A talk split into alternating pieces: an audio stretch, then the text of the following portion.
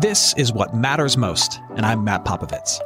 Look, life is crazier than ever, and lots of people, maybe even you, are feeling anxious and overwhelmed. Today's message is designed to help you figure out what's most important and to experience the peace and joy that God intends for you. Because life is a gift, and it shouldn't be wasted on worry. I'd like to give you a resource, something to help you navigate the road ahead. Just go to mattpopovits.com, click on the icon, and we'll send it to you. That's Matt, P-O-P-O-V-I-T-S dot com. And hey, if you happen to live in the Houston area, I'd love to see you on a Sunday morning at St. Mark in Spring Branch. Head to stmarkhouston.org to plan your visit. Here's today's message. Thanks for listening. Uh, today, we're continuing a series we started last week called Me and My House, where we're looking at life as family through the lens of the scripture and trying to see what, what wisdom God can give us about some of this craziness that all of us are experiencing. And today, we're going to talk about the importance of, of building a family that can, can lift its head up above the whirlwind of everyday craziness and focus just a bit on the future. We're going to talk about what it means to, to be a family, whatever that looks like for you, to be a family that is future focused. To be a family that lives not just trying to survive the day, but a family that lives with the end in mind. So that when that day comes where you have blinked and everybody's grown up and they're out of the house and life is profoundly different than it used to be, when you reach to that, when you reach that moment where you arrive at that place, you like where you have arrived. So, so here's the first thing I want us to remember that this is how God, the Father of us all, parents each and every one of us. He leads his family with a future focus. God leads his family, the church, with the end in mind. You see this throughout the Christian story, throughout the scriptures. Uh, from the moment we're made, God is talking about the ending. We mess everything up. We bring sin into the world. Everything gets all messed up. Our relationship with God, our relationship with others, everything is now corrupted and corroding. And God immediately starts to speak about an ending.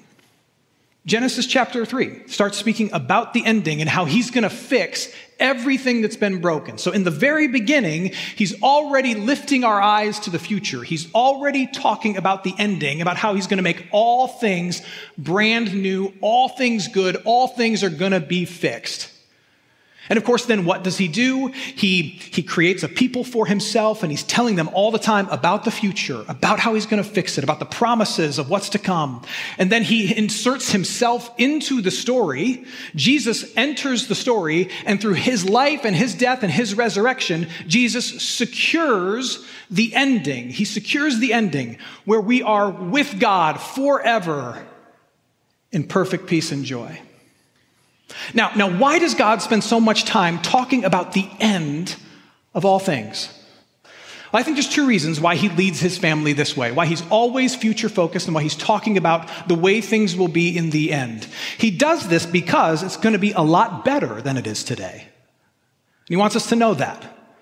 As bad as things are today, the end is going to be a lot better.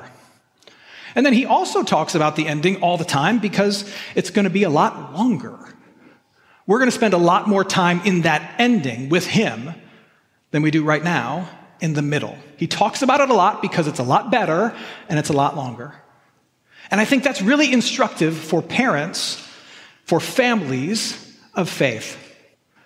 And we go again to God. So if our lives are influenced by His life and His love over us, we need to look at the future that God is building, that God has promised, that He's secured for us. And the clearest picture we get of the ending of the future for this family, the family of faith, is in the book of Revelation. Revelation chapter 21, verse 3 says this. This is a vision that was given to John, same guy who wrote the Gospel of John, of what things will be like in the very end, when the future is the present. This is what it says I heard a loud voice coming from the throne. The throne is where Jesus is. Behold, the dwelling place of God is with man. He will dwell with them, and they will be his people, and God himself will be with them as their God. So, in the very end, God has recreated all things, new heaven, new earth, and he's gathered his family, his people around them, around him. And we enjoy each other's presence and we enjoy his presence. We enjoy his influence. He's still our God. He's still leading us. We are still his children. We enjoy being with one another. And yet we are fully grown. We are remade, recreated, resurrected. So we are fully ourselves, yet still in a beautiful relationship with God. And we welcome his influence as our father over our lives. And we enjoy being with him. And it lasts forever. And it's a really, really good thing. Now, yes, there's a new world, new heavens, new earth, but that's not the focus. The focus, the prize in the future, the, the thing that God wants our hearts to be hoping for and our eyes to be looking for is the fact that in the future, it's about a relationship with Him that is beautiful.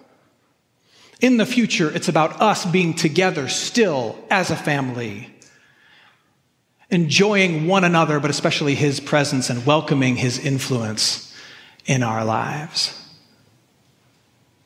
And friends, that's what I think the future of our families should be like. Now, now let me explain what I mean. Uh, very often in families, when we think about the future, if we ever grab a minute and think about the future at all, we think about really superficial successes. Uh, we tend to think about the amount of money we need for retirement, or all the places we're going to travel to when the kids are gone. Or we think about getting them into the right school, getting them into the right job, helping them marry the right person. We think about the number of kids we hope they have and grandkids we get to babysit. We, hope we, we think about those things. And those are not bad things, but those are not the main thing. Again, if what we hear from the scriptures is any indication, those things are incredible. Those are blessings. But the primary blessing in the future with God is this relationship as family that remains. This joyful presence, being with one another that remains. And this influence of our Father, of the whole family, that's still welcome, that's still seen as a positive thing, it remains. That should be the goal for us. I think we should look to a future where once the kids are grown, they still want to come back. Not to live with you, but to enjoy you where though the family is scattered, the family still wants to gather. And we genuinely enjoy one another's presence, and kids still welcome their parents' influence. Where getting together is a get to, not a have to. And where parents and grandparents get to enjoy the relationships of those that are their children and grandchildren not so much as children and grandchildren, but eventually, honestly, as friends. And, and, where the wisdom of parents and grandchildren, parents and grandparents isn't pushed away and eyes are not rolled, but where it's actually welcomed because we know it comes from love and their influence is full of wisdom. That's the picture I want for you to have of your family years from now, is people still gathering together, enjoying one another's presence and welcoming one another's influence. And it is a profound source of peace and love and satisfaction. That's the picture of all things in the end. And I think that's a beautiful picture to aim for in our families. If that's where we end up once the kids are grown and the marriage has matured, then we have won. Now, the question is how do you get there? It's, it's not enough just to talk about this future where we want everybody to get together and we enjoy one another's presence genuinely and we welcome one another's influence genuinely. How do we get there? Well, well, there's a couple things to keep in mind, but, but I want to just reiterate the importance of talking about this because one of the things that I've seen in my own family and I've seen in numerous families that I've worked with in ministry is that very often what happens is that once the family, the, that, that kind of nuclear family matures and children leave the home and they establish their own homes and the marriage matures and evolves, what tends to happen is that there is a fracturing that takes place. Uh, the family is still intact but because the future, where the, the relationship is celebrated and people want to return to one another and the influence of parent to child and child to parent is still welcomed because that future hasn't been worked for or articulated there is there is a disconnect between parent and grown child and even between spouses where, where relationships can be held at arm's length and where the influence of a parent to a grown child can be unwelcome or where there's unspoken friction, or where a husband and wife who had made their children the center of their universe around which everything evol- revolved, once the children have left, the gravitational pull of the universe has disappeared and they don't know who they are in relation to one another anymore. All kinds of fracturing can take place distance between, fa- between father and mother and children, and distance even between spouses. And that's why this is, in part, a very important conversation for us to have. So, so, so, how do we avoid that? Well, I think it comes down primarily to one big thing that Paul talks about in two places in the New Testament. We heard one of them in the book of Ephesians.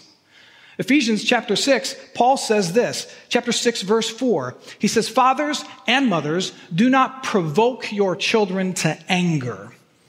Uh, that word provoke your, ch- that, that, those words provoke your child is actually one word in the original language. It could also be ex- it could also be translated as exasperate.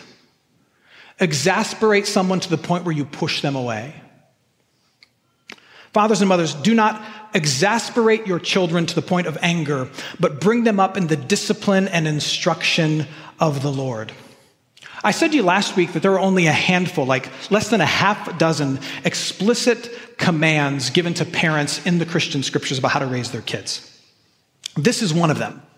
In fact, it's so important, apparently, that Paul says this twice. He says it in Ephesians, and he also says it in Colossians. He says more than once, fathers and mothers, do not exasperate your children. The implication in these verses is that there is a way to, to, to live in your home and to raise your children or to raise any child that's under your influence, be it a niece or nephew that you have a great relationship with or a grandchild that you spend a lot of time with, anyone under you, younger than you, that's in your care, there's a way to love them and lead them in a way that actually crushes their spirit and pushes them away.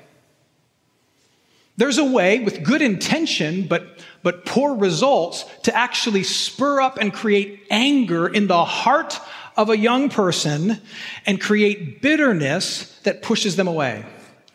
Now, when I say a child having bitterness or anger, I'm not talking about typical toddler tantrums. That's going to happen. Or like the usual teenage rebellion. What, what Paul talks about is anger and deep discouragement, where you attempt to lead them in such a way in your home that it stirs a desire to leave you and not return or if they do return to you, to hold you at a distance and to be very wary of your influence. And some of us have experienced relationships with parents or grandparents or aunts or uncles or even bosses and teachers that have done exactly that. They have exasperated us. And though we love them, we don't really want to return to them or be near to them or be overly influenced by them. We want space from them. That's what he's talking about. And that's what you want to avoid. Hey, friends, it's Matt. If you're listening to us in Houston, and you're looking for an excellent education in a Christian setting for your student, I'm inviting you to take a tour of St. Mark Lutheran School in Spring Branch. We serve infants through eighth grade with an excellent faculty, brand new facilities, and a faith forward curriculum. To schedule your tour, head to gostmark.org. That's G O S T M A R K dot org to schedule your tour today. St. Mark Lutheran School. It's excellent education for your son, your daughter, your little one. Now, back to today's message. So again, needing more detail, what, does it look like to exasperate your kids? T- tell me what this looks like, Matt. Well, teasing some more information out from the scriptures, I think it comes down to, to at least three things that can lead to exasperating the young people in your life to a point that stirs bitterness and pushes them away. It comes down to these three things, I think, at least. When a parent or person of influence is overbearing, where they are deeply unhealthy, or quite simply, they are always impatient. They are overbearing, they are unhealthy, or they are impatient. Now, I know those are broad, but let me double click on each of these really briefly. Uh, we'll start with being overbearing. Look, no parent wants to be um, a dominating, depressing influence in the lives of their kids. I don't think any parent wakes up and is like, I'm going to ruin a life today. Get up, son or daughter. We don't do that. We love our families. We love niece, nephew, grandchild, son, daughter. We love them. And it's because we love them that we want so much from them and so much for them.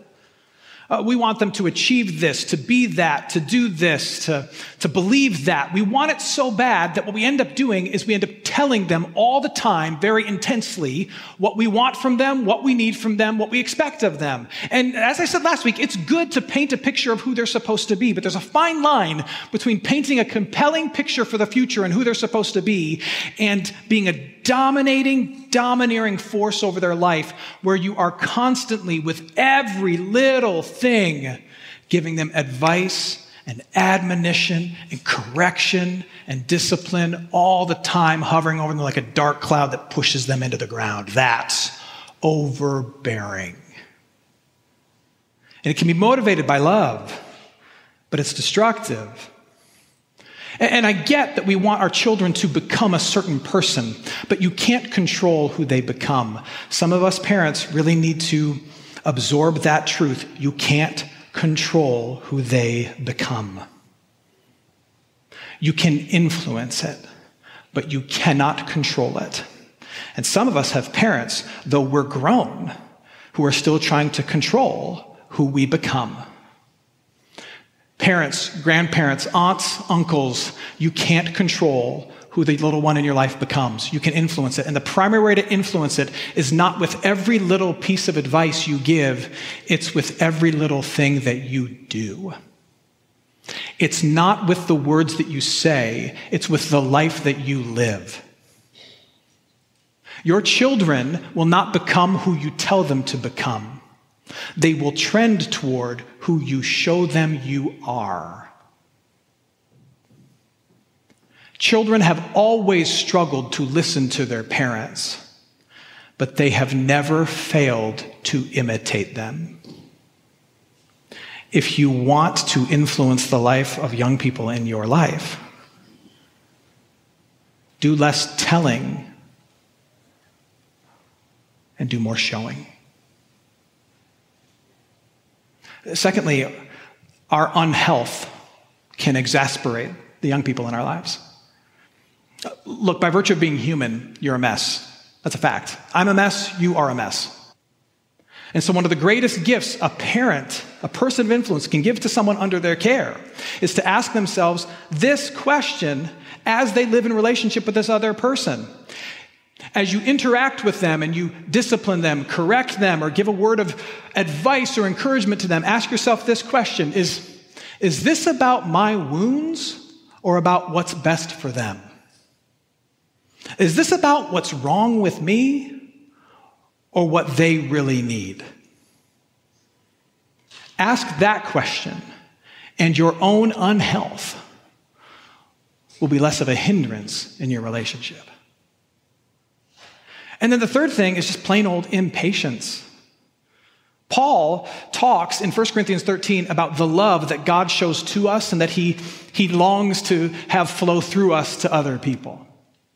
In those famous wedding verses, he begins to describe love this way. Uh, the first word he uses to describe love is what? He says the first phrase, love is what? Love is patient. So, primarily, first and foremost, love is patient. I've got the words for the screen. It says this Love is patient and kind. I'm going to give you an image for what patience actually is. You know what patience is? Patience is a willingness to be slowed down by someone else so that you can walk at their pace and be in their presence. Because you know that if you slow to walk at their speed, you can influence, you can be with them, and you can transform them. Patience is everything. And, and friends, just a reminder this, this is how God loves us. He, he is not overbearing with us, He is not impatient with us, and He is not working out His issues on us. There's a word in the Old Testament that's used over 250 times. The word is in Hebrew, chesed. It's often translated the steadfast love of the Lord, meaning the unrelenting, incredibly patient and kind love of the Lord. 250 plus times it's used in the Old Testament to describe the character of God because that's who he is. And then, of course, who is Jesus? Jesus is the, the, the chesed, the, the steadfast, patient, and always merciful love of God made flesh and given to us who secures our future for us. And when we look at Jesus, we know that God is not going to exasperate us by being domineering and overbearing to us because Jesus says, look, my, my yoke is easy and my burden is light. And we know that when we look at Jesus, that God is not working out his issues on us. He's not punishing us because he's angry. He's not doing any of that kind of thing. He's giving nothing, nothing but mercy and grace to us because he loves us. Anytime he works in your life, he's working for you. You know that when you look at Jesus. You know he always has your best interest in mind. And oh my goodness, is he patient. Every time you interrupt God's great plans with your mistake, your sin, your struggle, does Jesus look at you and go, hey, we're supposed to be there already. Dry it up and get in the car. No, what does he do? He slows to your pace and he meets you and he says, Tell me, I hear you. Oh, yeah, that's a big thing. I love you. I forgive you. Now let me walk with you. That's how God loves us in Jesus Christ. And friends, as we, as we grow in that, He wants that kind of love to flow through us. Let us not exasperate and push away. Let us love like Jesus and draw them close. It is so easy in, in modern families to focus just on the whirlwind of today and, and, to make our aim just getting through a typical Tuesday. And at the end of the day, say, I just want the kids to be in bed, I want some wine to be in my glass, and I want Ted Lasso to be on the TV. Is that too much to ask? And I get it. Being in family is hard. It's, it's been likened to life in a frat house. Nobody sleeps, everything's broken, and somebody's always throwing up. That's life with kids. And yet, people of faith, you are called to lift your eyes above the craziness of every single day and look toward a future. God has a future with you where you return to his presence, you enjoy it, and you are still joyfully under his influence. May that be the picture for your family as well, where there are moments and days where you return to one another as a want to, not a have to, and you still welcome one another's influence over your lives. Aim for that. Pray for that. I'll leave you with some homework. If you're here and you have a family, you have people under your influence, I have three questions that I'd love for you to consider. The three questions are this is there an area of family life about which you are overbearing or you tend to be too intense, where you could just cool it? Don't exasperate. Is there a wound of yours that you're tempted to deal with through your family? Something you need to work on for yourself, but you tend to work it out with them? Is there an area of family life in which you could be more patient, where you could slow to the pace of your spouse, of your son, of your daughter, of your child. We do not want to exasperate our children. We want them to want to return to us with their own children, to enjoy each other's presence and be in one another's influence. Because that will be a lot better.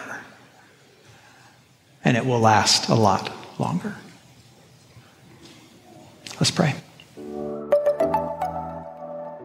Hey, it's Matt. I hope you enjoyed what matters most. Here's what I need you to know life is a gift, and it shouldn't be wasted on worry. I want to help you figure out what's most important and to experience the peace and joy that God intends for you. So, for more content, you can head to mattpopovits.com. That's Matt, P O P O V I T S.com. There, you can also support this ministry as well as access your free resource, a little something to help you navigate the road ahead. I'd also love to see you on a Sunday morning. If you're in the Houston area, head to stmarkhouston.org to plan your visit. In the meantime, hit me up on Instagram at mpopovits or at facebook.com slash Matt Ministries. Thanks for listening. Now go and hold tight to what matters most.